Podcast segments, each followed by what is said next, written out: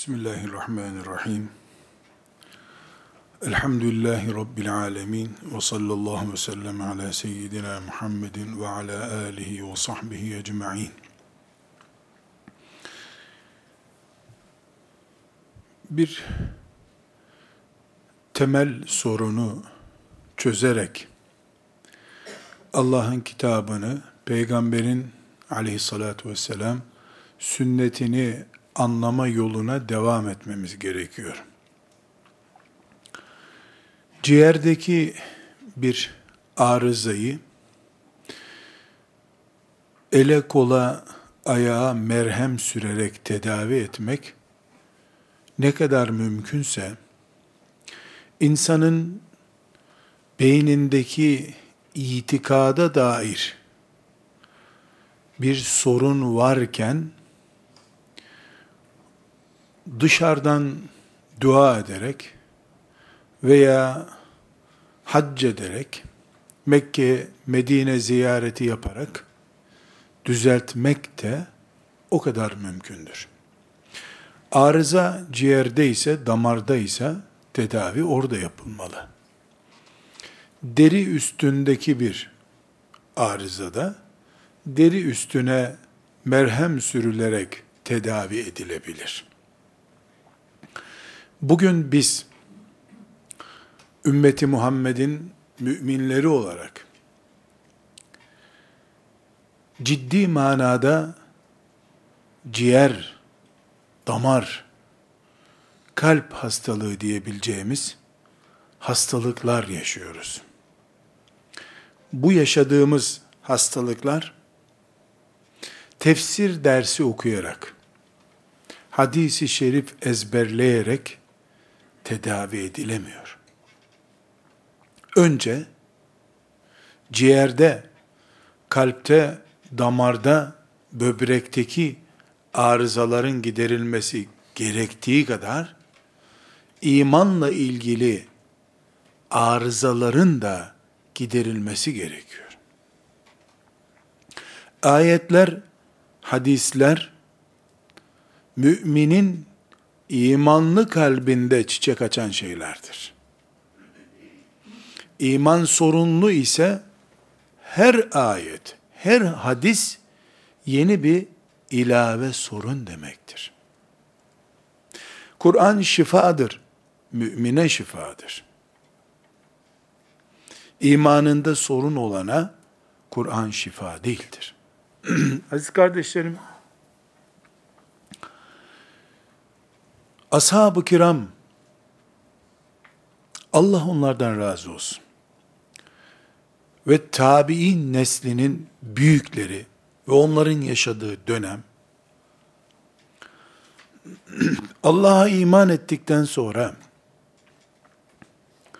akıllarını, düşüncelerini sıfır değerde ve ağırlıkta gördüler.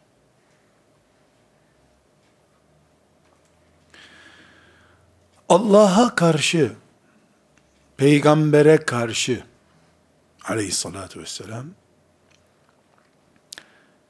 ben de şöyle düşünüyorum diye tek bir kelime ağızlarından çıkmadı. Başka birinin böyle bir şey söylemesine de izin vermediler. Çünkü iman etmek Müslüman olmaktır. Müslümanlık da teslimiyettir. Teslim olmuş bir kulun yer yer kendi görüşlerini de belirtmesi teslimlik değildir ki. Ashab-ı kiram yüzde yüz Müslümandılar yüzde yüz teslimdiler. Filan konuda bir itirazları yoktu. Filan konuya itiraz edeni Müslüman kabul etmiyorlardı. Daha sonra yüzlü yılların sonunda 110'lu 120'li yıllarda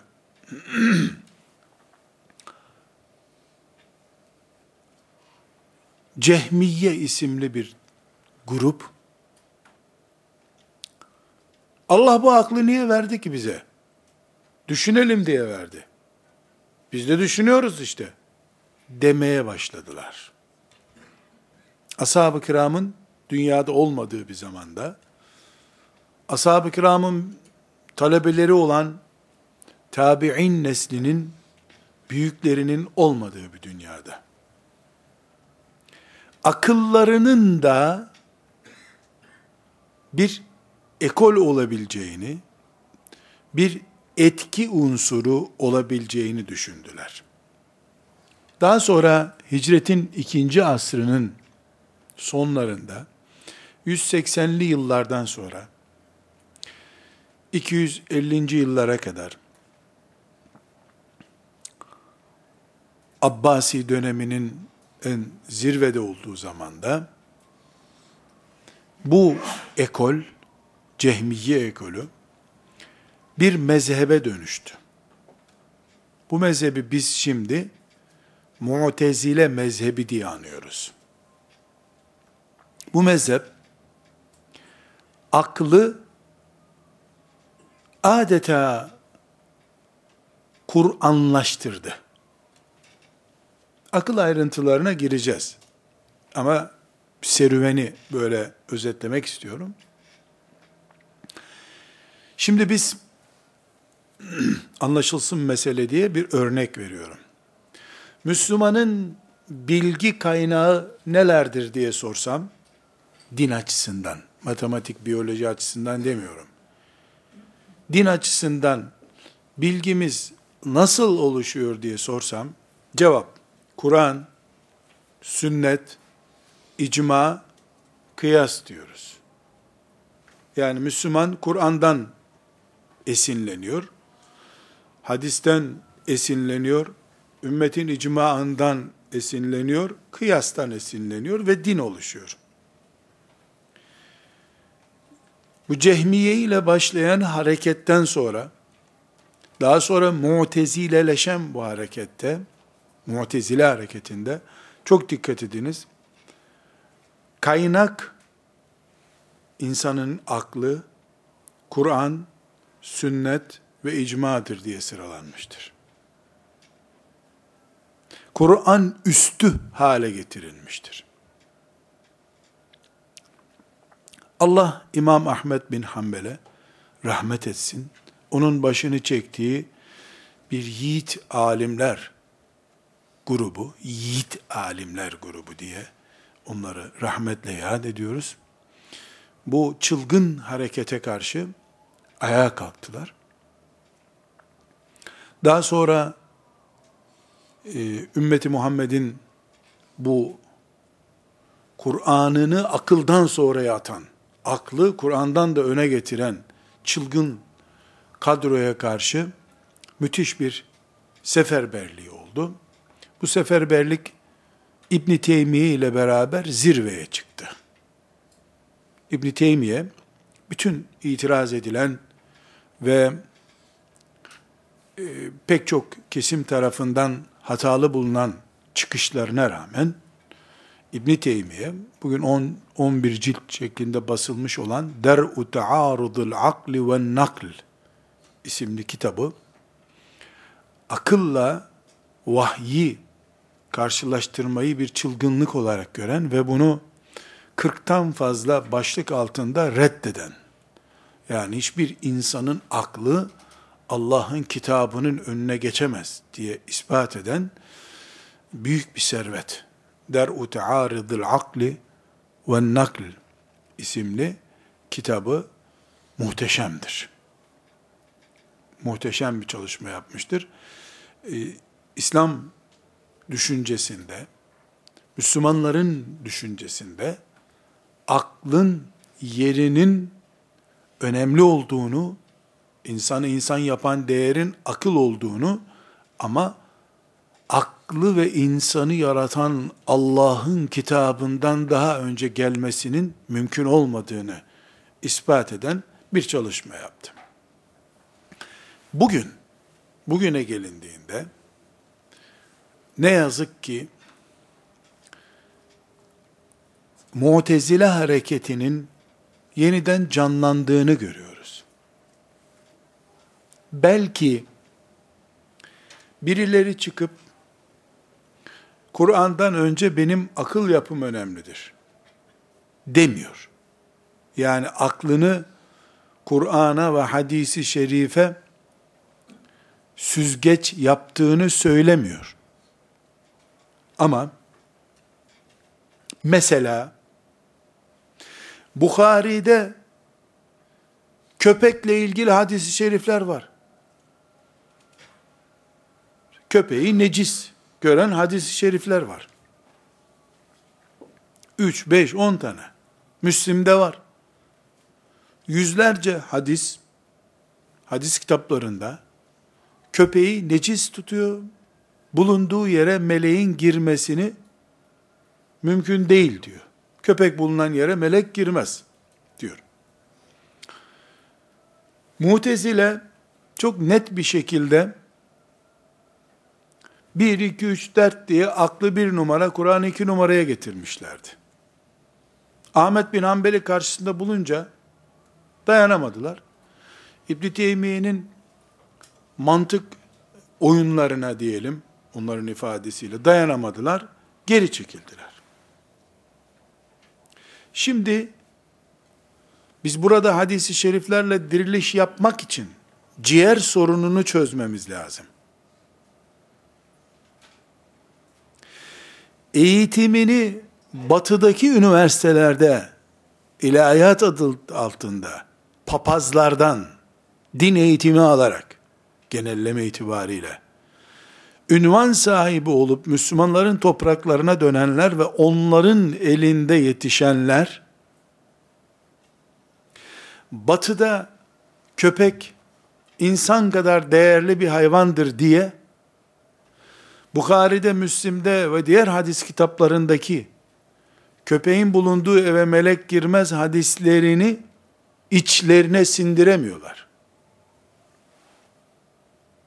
Çıkıp da biz Mu'tezile gibi önce akıl sonra Kur'an deriz de diyemiyorlar.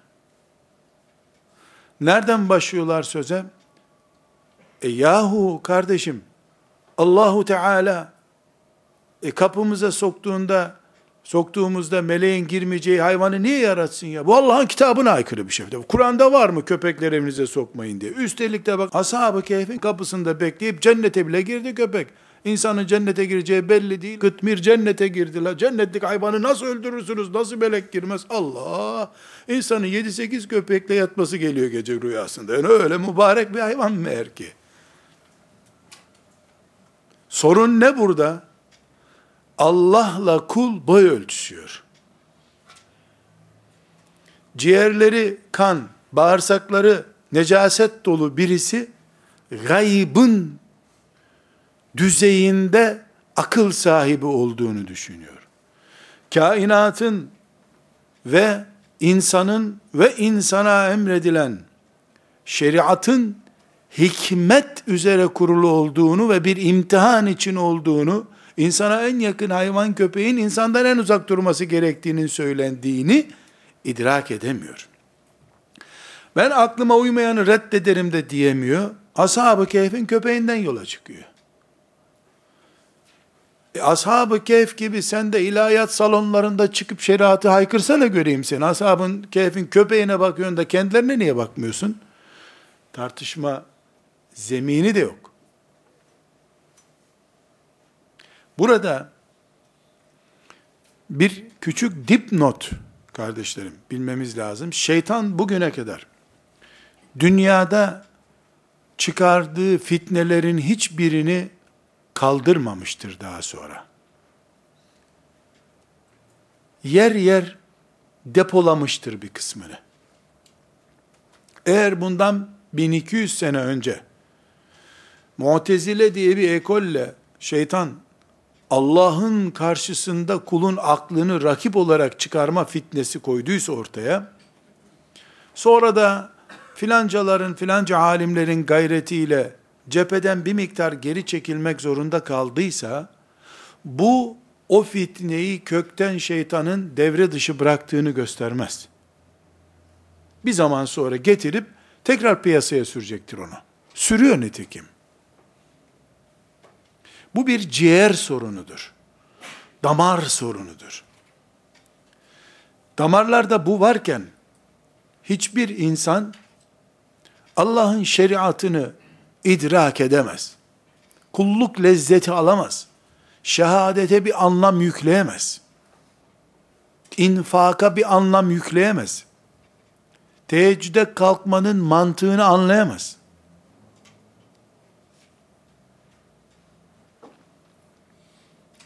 O sadece para sayabilir.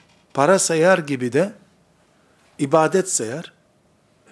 Sadece fiziki nesneleri değerlendirebilir. İbadetlerin de fiziki boyutuna bakabilir. Yasakların fiziki boyutuna bakabilir. Köpeğin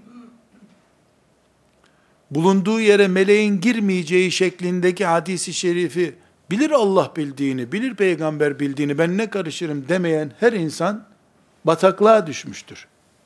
Mantıkla bunu anlamaya kalktığında, e, köpek necisse biz tertemiz yaptık bizim köpeği. Yıkadık. Şampuanla yıkıyorlar köpekleri zaten.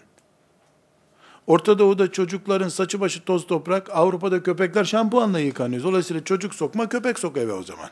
Melek girsin diye.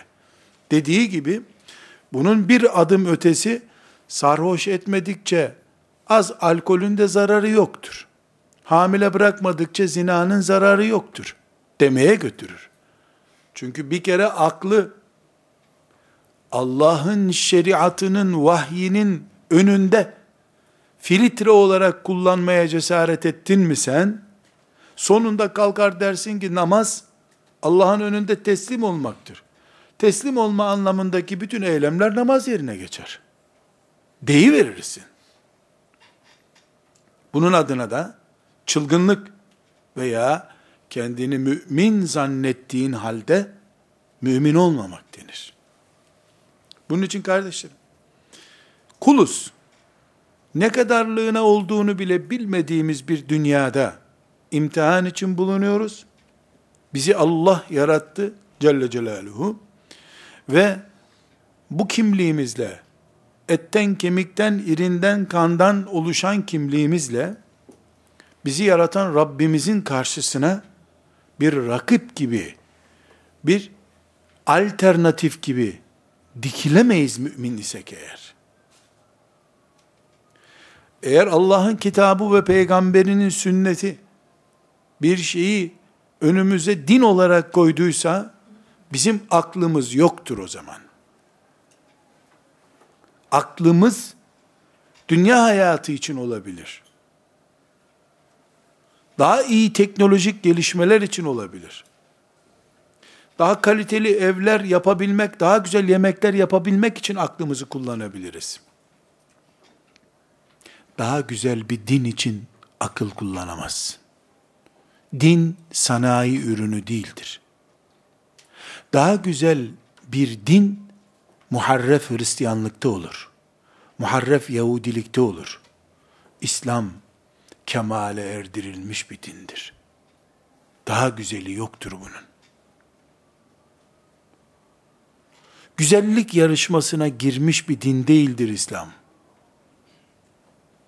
Eğer İslam'ı daha güzel yaşama yerine daha güzelleştirme iddiasına girersek, böyle bir gayretin içinde olursak, bu resmen bile bile önceki dinlerin mensuplarının yuvarlandığı dağdan yuvarlanmak olur.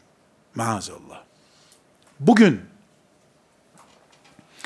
henüz evlenmemiş, çoluk çocuk sahibi bile olmamış, Anadolu'daki ifadeyle tüyü kararmamış, bıyığı bitmemiş çocukların veya torun sahibi ihtiyarların bir şey değişmez laik cumhuriyet ülkesinde kurulmuş okullarda okuyup Allah'ın dininin nasıl olması gerektiği konusunda ahkam kesmeleri, Cehmiye'nin veya Mu'tezile hareketinin yeniden şeytan tarafından piyasaya sürüldüğünü göstermektedir. Rabbinin rızasını kazanmak için bari sabah namazlarını camide kılayım demesi gerekirken modernizasyona uğratılmış, rektefe edilmiş bir İslam için mücadele etmeyi cihat kabul ediyor. Bu ciğer hastalığıdır. Böbrek hastalığıdır. Dalak yetmezliğidir. Kan mikroplu kandır. İnşallah bu dersin ileriki bölümlerinde Ebu Hanife'yi Ebu Hanife yapan şeyin aklındaki üstünlük olduğunu söyleyeceğiz. Daha akıllı, daha yüksek tonajlı aklı olanların daha değerli olduğunu söyleyeceğiz elbette. Ayrı bir konu. Ama Allah'ın şeriatını daha iyi anlamak için aklı kullanmak başka şey. Allah'ın dinini ve şeriatını çağına uygun hale getirmek için akıl kullanmak başka bir şey. Batının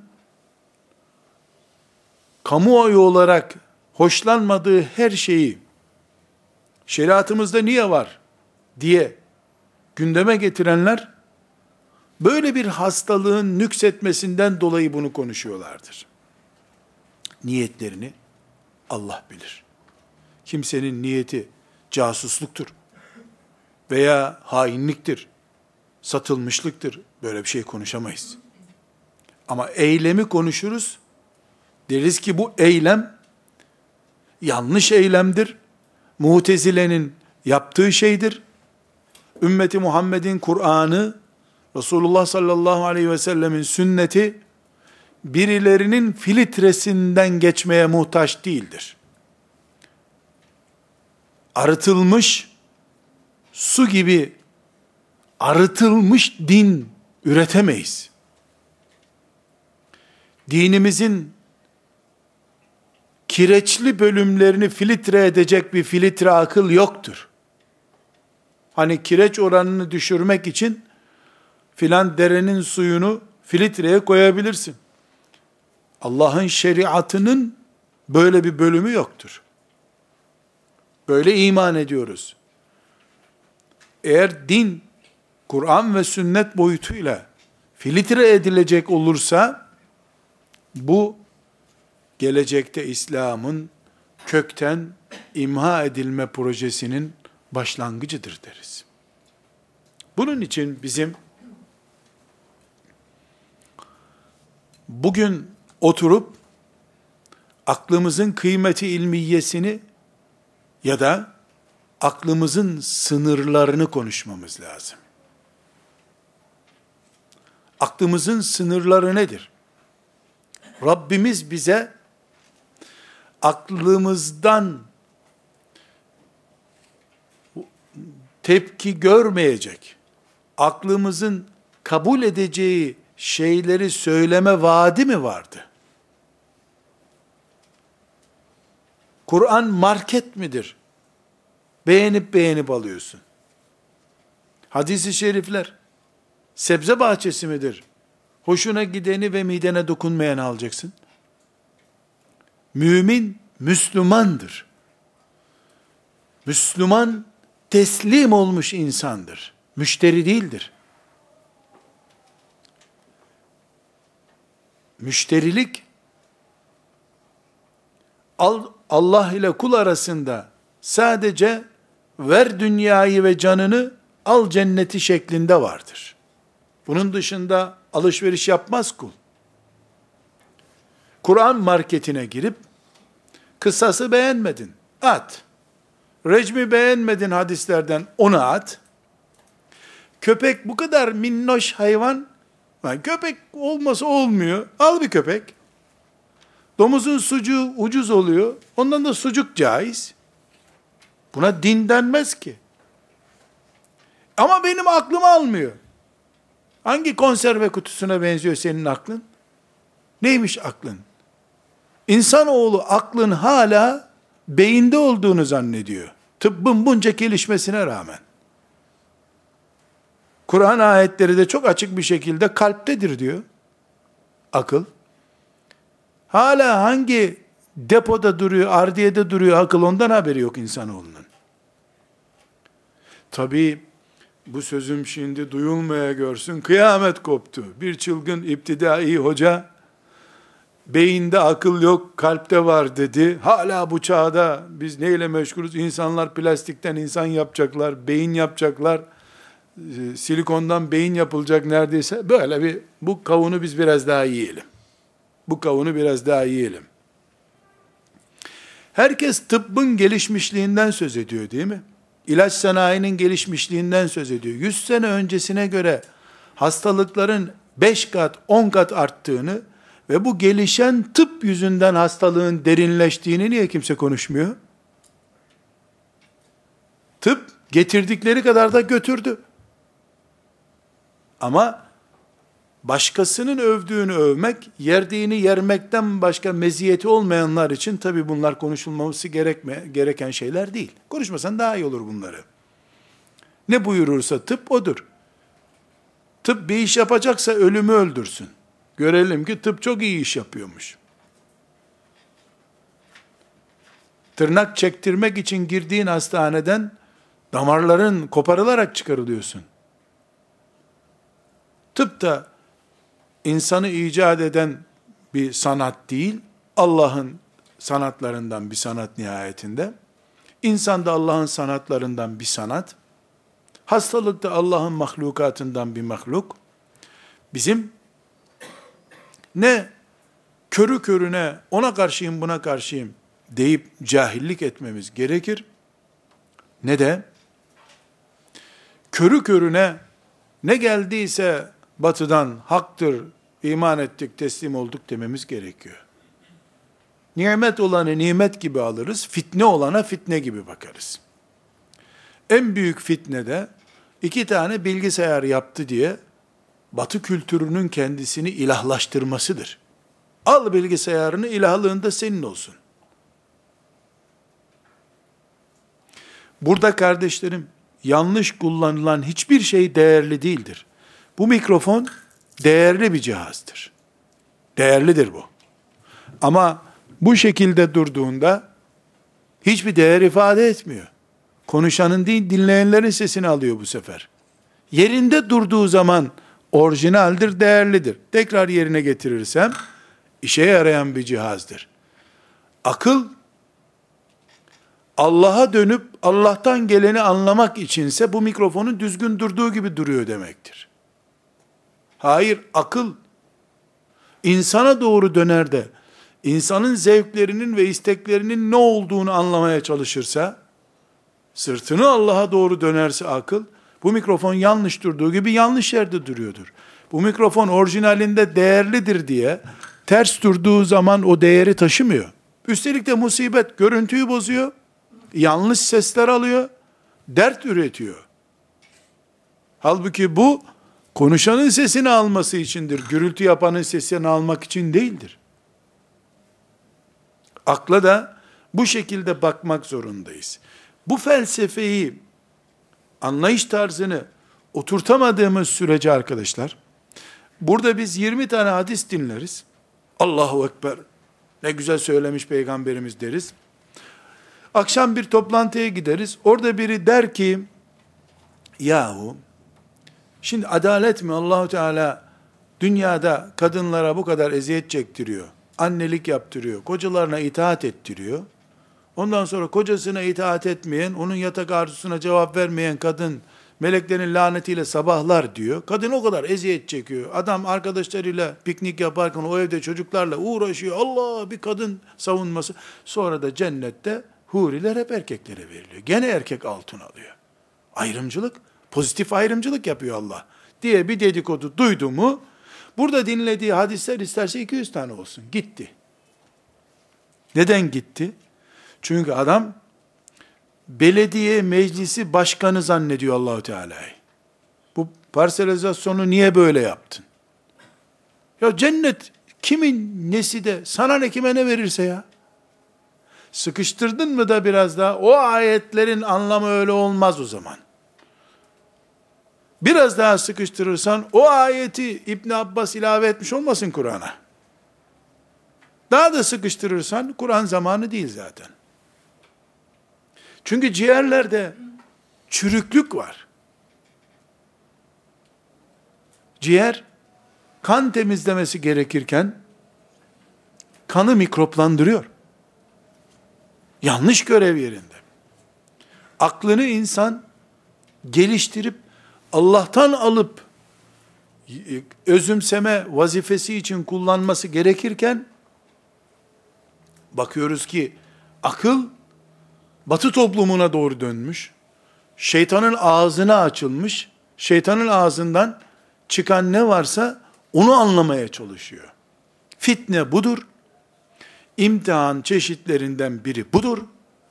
Bugün biz mümin olduğumuz için Müslümanız tamam mı?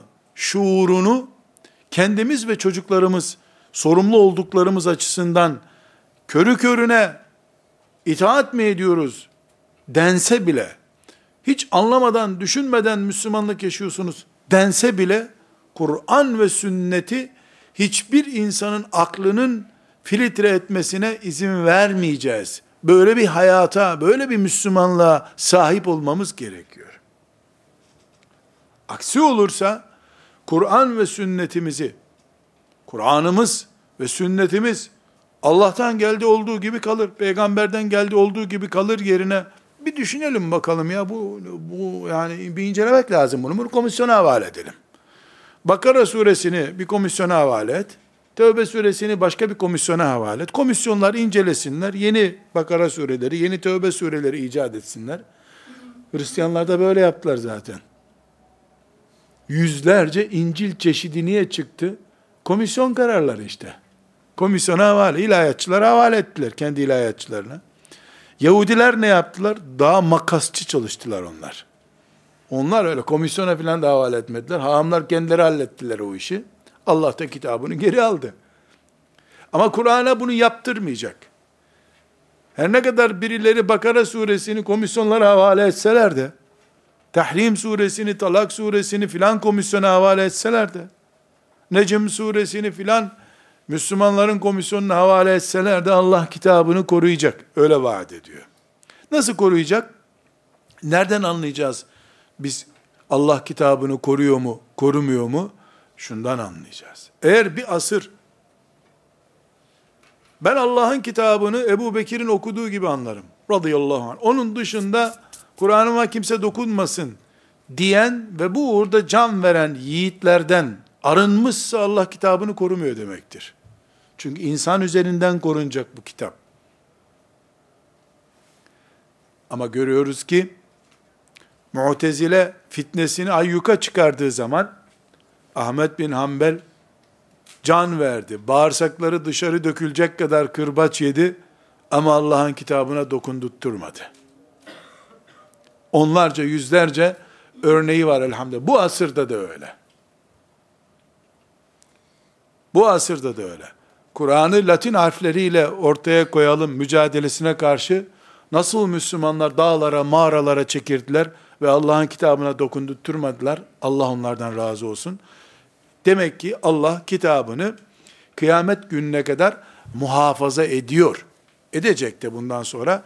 Tek temennimiz Allah'tan bizi o yiğitlerden biri olarak kabul buyuracağı amellerin sahibi yapmasıdır. Kafirlerden sıkılıp utanıp acabalarla, keşkelerle Kur'an ayetlerine bakanların yanında değil, bir kişi kalacaksa bu Kur'an'ı müdafaa eden, hadisi şerifleri müdafaa eden, inşallah o benim diyen şuurlu kadınlar, şuurlu erkekler, taptaze delikanlılar Allah'ın muhafaza etmekte kullandığı yiğitleridir. İnşallah onlardan oluruz. Çok net bir şekilde kardeşlerim, akıl konusunu irdeliyoruz. Aklın sınırlarını belirliyoruz. Deliliğe, davetiye toplamıyoruz herhalde. Ama aklı delirtmeye de karşı çıkıyoruz. Henüz akıl kendini keşfedememiştir. Filozoflar işte akıl üzerinden şöhretli sözlerini dinlediklerimiz başkalarının aklı üzerinden felsefe yapmışlardır hep. En büyük filozoflar bile henüz kendi akıllarını konuşamadılar hala. Nerede senin aklın ve sen nesin diye mi? Hep filancalar üzerinden yatırım yaptı aklı olanlar. Aklı sömürenler. Henüz akıl kendisini konuşamamıştır çünkü. Kendisini icat edememiştir. Mesela şu ana kadar felsefenin ve tıbbın bunca gelişmişliğine rağmen artık felsefenin fakülteleştiği, tıbbın adeta ilahlaştığı bir zamanda aklı artırma henüz ortaya konamamıştır. Zekayı artırabilmişlerdir. Akıl hala durduğu yerde duruyor. Akıl Allah'ın yarattığı kadarıyla her insanda. O yaratılmış aklı takviyelerle geliştirip zeka olarak ortaya koyabiliyorlar. Henüz kendisini üretemeyen, güçlendiremeyen akıl Allah'ın karşısında güç olarak nasıl durabilir? Delilere hitap etmiyoruz. Yani aklı akılsızlığı çağrıştırmıyoruz. Ama haddini bilmez akıl akılsızlıktır diyoruz. Akıl haddini bilmelidir. Çünkü akıl depolanamıyor. Stoklanamıyor. İleride lazım olur. Bir kenara koyalım. Mesela uyurken aklımız bize lazım değil. Orada kullanacağımız aklı bari gündüz kullanacağımız aklımıza taşıyalım diyemiyoruz. Efe tefe yapamıyorsun. Pepe bir şey yapamıyorsun. Akıl durduğu yerde duruyor. Yani bununla akılda neler yapılıyor, neler yapılamıyor bunu tespit etmeye çalışmıyorum. Henüz iddia edildiği kadar bir akıl yok ortada. Bunu söylüyorum. Allahu Teala bir hikmeti gereği farklı düzeylerde akıllar vermiş kullarına. Herkes bu aklı kullanıyor. Ama Allah kendisine karşı kullanılmasını istemiyor bunun. Şeytana karşı kullanılsın istiyor. Burada not halinde alabileceğimiz akılla ilgili bazı tespitler yapacağız. Ondan sonra da Müslüman bir insanın Allah'ın vahyine karşı aklını kullanmasının sonuçlarını değerlendireceğiz. Ki hadisi şeriflerde bildiğiniz gibi bir vahiy çeşididir. Binaenaleyh hadisi şeriflere ve ayet-i kerimelere karşı ben bana göre, bizim gruba göre, bizim büyüğümüze göre diye başlayan işte ilk başta örnek verdiğim köpek e, hadisleri gibi ki e, şimdi köpek hadisleri diye bir e, yani köpeklerin e, meleklerin girmesine engel olan olayı e, hükmü anlatan hadisler diye bir hadislerden başlıyor başladılar diyelim. Ama bir salındığı zaman onların e, fırsatları göreceğiz ki maazallah inşallah görmeyiz. Kur'an'dan yüzlerce ayeti asrın idraki dışında bulup yok kabul edeceklerdir. Ve akıl madem ki kanun koyuyor, o zaman akla uymuyor diyeceklerdir. Akılla ilgili notlarımızı sırayla tespit edelim. Bir kere kardeşlerim, akıl Allahu Teala'nın nimetlerinin en büyüklerinden biridir. Akıl bir nimettir. Bütün nimetler gibi şükür ister. Aklın nimet olarak şükrünün yapılması da yaratıcısına hizmet ettirilmesiyle mümkündür. Bir fitne unsuru olarak kullanıldığında, küfran-ı nimet yapılmış olur. Nankörlük yapılmış olur. Bir başka husus, akıl ve zeka aynı şeyler değildir.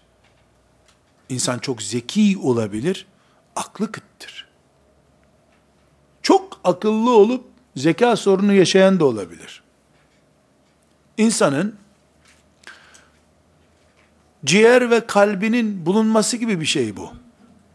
Kalp kanı pompalıyor, ciğerler temizliyor, böbrekler filtreliyor. Herkesin başka vazifesi var. Bir insanın ciğerleri sapa sağlam, böbreği arızalı olabiliyor. Böbrek sapa sağlam, ciğerlerde arıza olabiliyor. Akıl da böyle, zeka da böyle. Bir başka nokta, yani dersimiz bu olmadığı için zeka nedir, nasıldır bu konulara girmiyorum.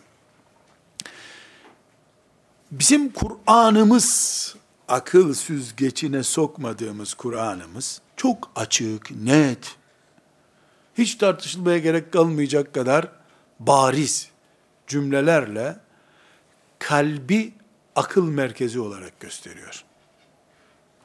Peygamber Efendimiz sallallahu aleyhi ve sellem de eliyle işaret ederek kalbi gösterip akıl buradadır diyor. Hac suresinin 46. ayeti Euzu billahi mineşşeytanirracim Bismillahirrahmanirrahim Efelem yesiru fil ardı fetekûne lehum kulubun ya'kilûne biha fetekûne lehum kulubun ya'kilûne biha yani bil kulubi Efelem yesiru fil ard Yeryüzünde dolaşmıyorlar mı onlar? Dolaşmıyorlar mı? Görmüyorlar mı dünyayı demek? Fetekune lehum kulubun kalpleri var da ya'kilune biha o kalpleriyle akıllarını kullanacak şekilde düşünemiyorlar mı? Çok bariz bir şekilde Hac suresinin 46. ayeti kalplerinde akıl yok mu Allah buyuruyor. Kalplerinde akıl yok mu? Yaratan Allah yaratan Allah kalp ve aklı bir arada kullanıyor. Meşhur Bukhari ve Müslim'in başta rivayet ettiği pek çok hadis kitabının çok meşhur olan hadis-i şerifini duymuşsunuzdur. Bedende bir et parçası vardır. O et parçası iyi olduğunda bütün beden iyi olur. Kötü olduğunda bütün beden kötü olur. Akıl oradadır. O da kalptir diyor. Kalbin ismini veriyor Efendimiz sallallahu aleyhi ve sellem. Ve eliyle de göğsünü işaret ediyor. Belki hani diyeceğiz ki Arapçada kalp beyine deniyor. Öyle bir şey yok ortada. Eliyle kalbini işaret ediyor. Şimdi burada tıbbın çalışma alanına girmemiz gerekmiyor. Tıp yoğun bir şekilde akıl hastalarını nörolojiye havale ediyor. Nöroloji de beyinle ilgili bölüm. Beyinde sorun vardır diyor. Ama ayak parmaklarından biri fıtıktan doğru e, fıtıktan dolayı ağrını da nörolojiye havale ediyorlar. Adamın ayağı ağrıyor, beyin cerrahı bakıyor adama. Burada bizim beyinle aklın alakası yoktur dememiz anlamsız. Tıpkı vücudumuzun herhangi bir parçasının beynimizle alakası olmadığını söylemek gibi olur.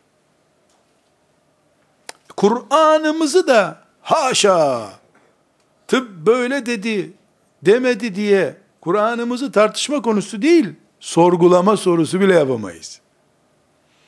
Ne yaparız peki? Kardeşim, Rabbim yaratan olarak akıl kalptedir diyorsa kalptedir. Kumandası beyindedir. Nitekim dilim konuşuyor, beynimdeki bir damardan dolayı kekeme oluyorum ben.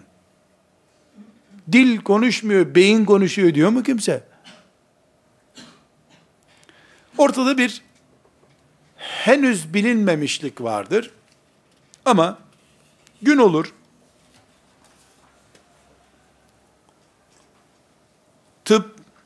biraz daha ilerler. İnsanın düşünme kapasitesi artar, inceleme kapasitesi artar. Kalbin akılla bağlantısı veya beynin akılla bağlantısı yeniden keşfedilir. Sonuçlar değişir. Hiç önemli değil. Biz şuna inanıyoruz. Bir, akıl denen şey nedir henüz elimizde değil. Görmüyoruz, tutmuyoruz. Adamın aklını çıkarıp laboratuvara götürüp tamir edip geri getirmiyorlar. Beyinde filan damarı tamir ediyor. Filan bölgeyi tamir ediyor. Bir doktor kardeşime beyin cerrahı dedim ki e, ne kadar senedir cerrahlık yapıyorsun? 25 senedir dedi. Hep beyin mi yarıyorsun dedim. Yok bazen dedi bel fıtığı ameliyatı da yapıyoruz dedi. İşin gücün insanların beyni değil mi dedim. Evet dedi. Senin bilgin ne kadar dedim beyin konusunda. Bini derken tıbbı mı kastediyorsun dedi. Öyle kastedeyim dedim. Herhalde on binde bir filandır dedi. Ya dedim siz beyni açıyorsunuz hala bir şey anlamadınız mı? Henüz bir şey anlamadık dedi. Çok azını biliyoruz dedi. Belki bu mübalağa yaptı. 10 binde 5 olsun, 10 binde 100 olsun. 10 binde 1000 olsun. 10 binde 10 bin biliyorum de. Gene o 10 bin rakamı da senin bildiğin bölümün 10 bini oluyor. Yarın bir damarın altındaki bir damarı daha keşfedeceksin. Yeni bir şey çıkacak. Biz beyin mi, kalp mi aklın merkezidir? Bize göre belli bu. Tıbbın elindeki verilerle de cedelleşmiyoruz. Ama diyoruz ki tıp araştırmanın adıdır. Hala araştırıyor tıp. Devam etsin bakalım. Kur'an'la buluştuğu yerde biz bekliyoruz zaten. Kur'an'la buluşuna kadar biz Kur'an'ın müminleriyiz. Elhamdülillah. Kur'an'ın müminleri olarak devam ediyoruz.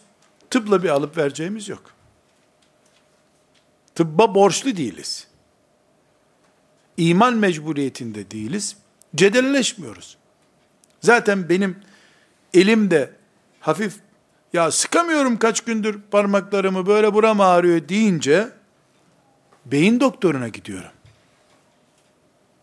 Kafası çalışmayan da beyin doktoruna gidiyor. Evhamlanan da beyin doktoruna gidiyor zaten. Bir sıkıntı yok. Sorunumuz cedelleşme sorunu değil.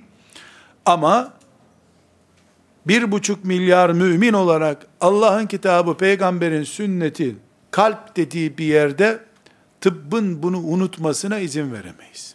Sorun bu. bir başka başlık açabiliriz. Akıl Müslümanlık olarak nerede durması gerekiyor? Veya niye aklı bu denli önemli görüyoruz? Görmemiz gerekiyor.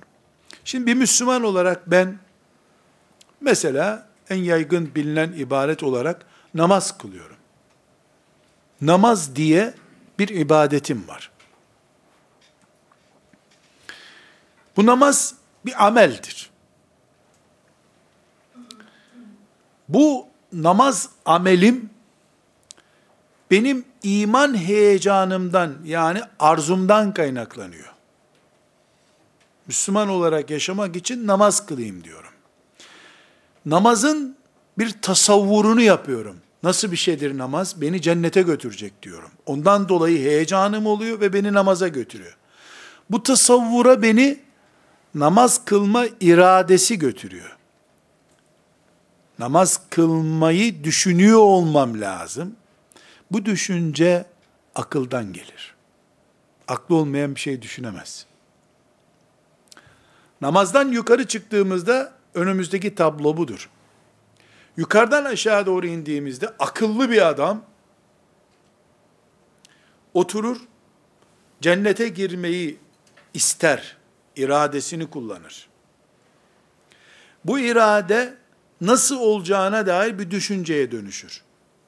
Namazın farzlarını, abdestlerini öğrenir. Ve bunu heyecana dönüştürür, cennete girme heyecanına dönüştürür, neticede namaz kılar. Bu yüzdendir ki Allah namaz gibi ibadetleri, imani değerleri aklı olmayanlardan istemiyor. Aklı olmayan bu süreci kullanamaz. Bedeni mesela aklı olmayan insanlar bedenlerini namaz kılan gibi kullanabilirler. Ama bu namaz kılma eğilip kalkmanın ötesine gitmeyen bir şey olduğu için ondan sevap kazanmazlar. Sevap kazanmayacakları işi de Allah onlara emretmez. Burada bir nokta koymak zorundayız. Noktamız şudur. Allahu Teala'nın yarattığı kullarından kulluk istemesinin birinci şartı insan olmalarıdır. İkinci şartı da akil olmalarıdır. Yani akıl sahibi. Akıl sahibi olmayanlardan Allah kulluk istemiyor. Deliler, akıl engelliler, ismini nasıl koyarsak koyalım, mükellef değildirler denir. Mükellef olmamaları ne demek? Yani onlardan Allah kulluk istemiyor. Bir soru sorabiliriz burada. Kulluk istemeyeceğini kendisi beyan buyurduğu halde Allah niye yarattı o kullarını?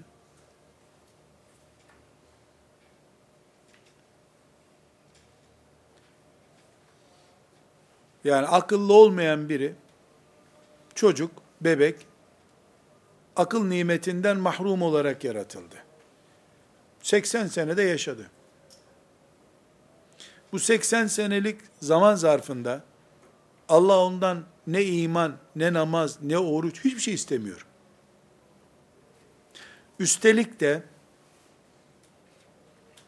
bu kendisi namaz kılmadığı gibi çocukken annesinin namaz kılmasına da engel oldu. Camide Müslümanların namazını bozdu. Babasının annesinin başına dert oldu. Yani akıl melekesi olmayan bir insan kendisi mükellef olmadığı gibi mükelleflerin başına da dert oldu. Bunu Allah Teala niye yarattı? Kardeşlerim, burada bir ince çizgi var. Ben bir insan olarak, filanca insan olarak, öbür filanca insan olarak ve 7 milyar insan olarak kendi ipimize bağlı, kaderimize bağlı yaratıldık zannediyoruz. 7 milyar insanın tamamı bir ağın birbirine bağlı köşeleri gibi yaratılmıştır. İnsan kendisinin Müslüman olup olmamasından sorumlu olduğu gibi, başkasının da Müslümanlığıyla artı ve eksi bağlantısı vardır. Bu ne gibi biliyor musunuz? Yani teknolojik nasıl ifade edeceğimi bilmiyorum, ilgi alanım değil. Bir makinede, bir bilgisayarda herhangi bir parça o bilgisayarın bütününün çalışma nedenidir. Bir makinede herhangi bir vida kapağını kapatan bir vida bile olsa çalışma nedenidir. O olmadığında makine çalışıyor gibi görünse de arızalıdır. Ses yapar. Kapağının sıkılmadığı için vidası tak tak tak ses yapıyordur çalışırken. Herhangi birimiz insan olarak Müslüman olup o şekilde yaşayıp ölüp Rabbimize gideceğimizin imtihanı için yaratıldığımız gibi yakın çevremizden bütün insanlığa yayılacak çapta bir sistemin parçası olarak da yaratılmış oluyoruz. A insan akıl nimetinden mahrum olduğu için kullukla mükellef değil. Ama Allahu Teala o akıl nimetinden mahrum kulunun diğer insanlar üzerindeki etkisi, insanların onunla ilgisi, insanların kendi akıllarının kıymetini bilmeleri, aklı olmayan biri için yapılacak işler geliştirmeleri vesaire bizim bileceğimiz, bilmeyeceğimiz belki binlerce hikmete binaen o insanı da yaratıyor. Ama biz insanları tarlada yetişen domatesler gibi dalından koparanı hemen salça yapıyorsun, yemeğe karışıyor, gidiyor. Zannedersek bunu anlayamayız. Bütün insanlığı Allahu Teala'nın tek bir parça gördüğünü, bir insan kadar gördüğünü anlarsak bunu anlarız. Biz kendimizi ve bizimle bağlantılıları görüyoruz. Yaratan ise bütün insanlığı bir insan gibi görüyor. Bunu nereden anlarsınız? Kur'an-ı Kerim'de cinayetten söz eden ayette veya bir insana iyilik yapmakla ilgili ayette bütün insanlığı öldürmüş gibi olmaktan söz ediyor bir insanı öldürünce. Bir insanın katili bütün insanlığın katili gibi kabul ediliyor Kur'an'da. Bir insanın hayat bulmasına sebep olan da bütün insanlığı ayağa kaldırmış gibi oluyor. Çünkü Allah'ın gözünde bir insan ölmedi. Sistemi çalıştıran 7 milyar parçadan bir parça koparıldı. Bize göre bir şey aksamadı. Gömdük adamı gitti. iş güç devam ediyor zaten. Malı miras edildi. Yaratan nasıl görüyor ama? Bunun için bu insanlık bünyesinde bir insan akıl sahibi veya değil, bütün insanlar kadar değerli. İnsanın bu nedenle acı çektiği için doktora imza atıp beni öldürün deme hakkı da yok. Sistemin içinden çıkma hakkı da yok kimsenin. Bunun için şeriatımız başka insanı öldürmekle kendi kendine intihar etmeyi aynı cinayet dosyasında inceliyor. Öldürmekle intihar etmek aynı. Çünkü Allah'ın yarattığı bu sistem içerisinde hiç kimse fazlalık değil, gereksiz değil, hikmetsiz değil. Ama insanlar, sosyoloji, tıp, felsefe bu noktaya gelememiş, anlayamamış olabilir. Hiçbir zamanda Allah'ın yaratmasını yüzde yüz anlayacak noktaya gelmeyecektir. Gelemeyecektir. Çünkü hiçbir göz dönüp kendisini göremez. Işığın yardımıyla dışındakileri görür gözler.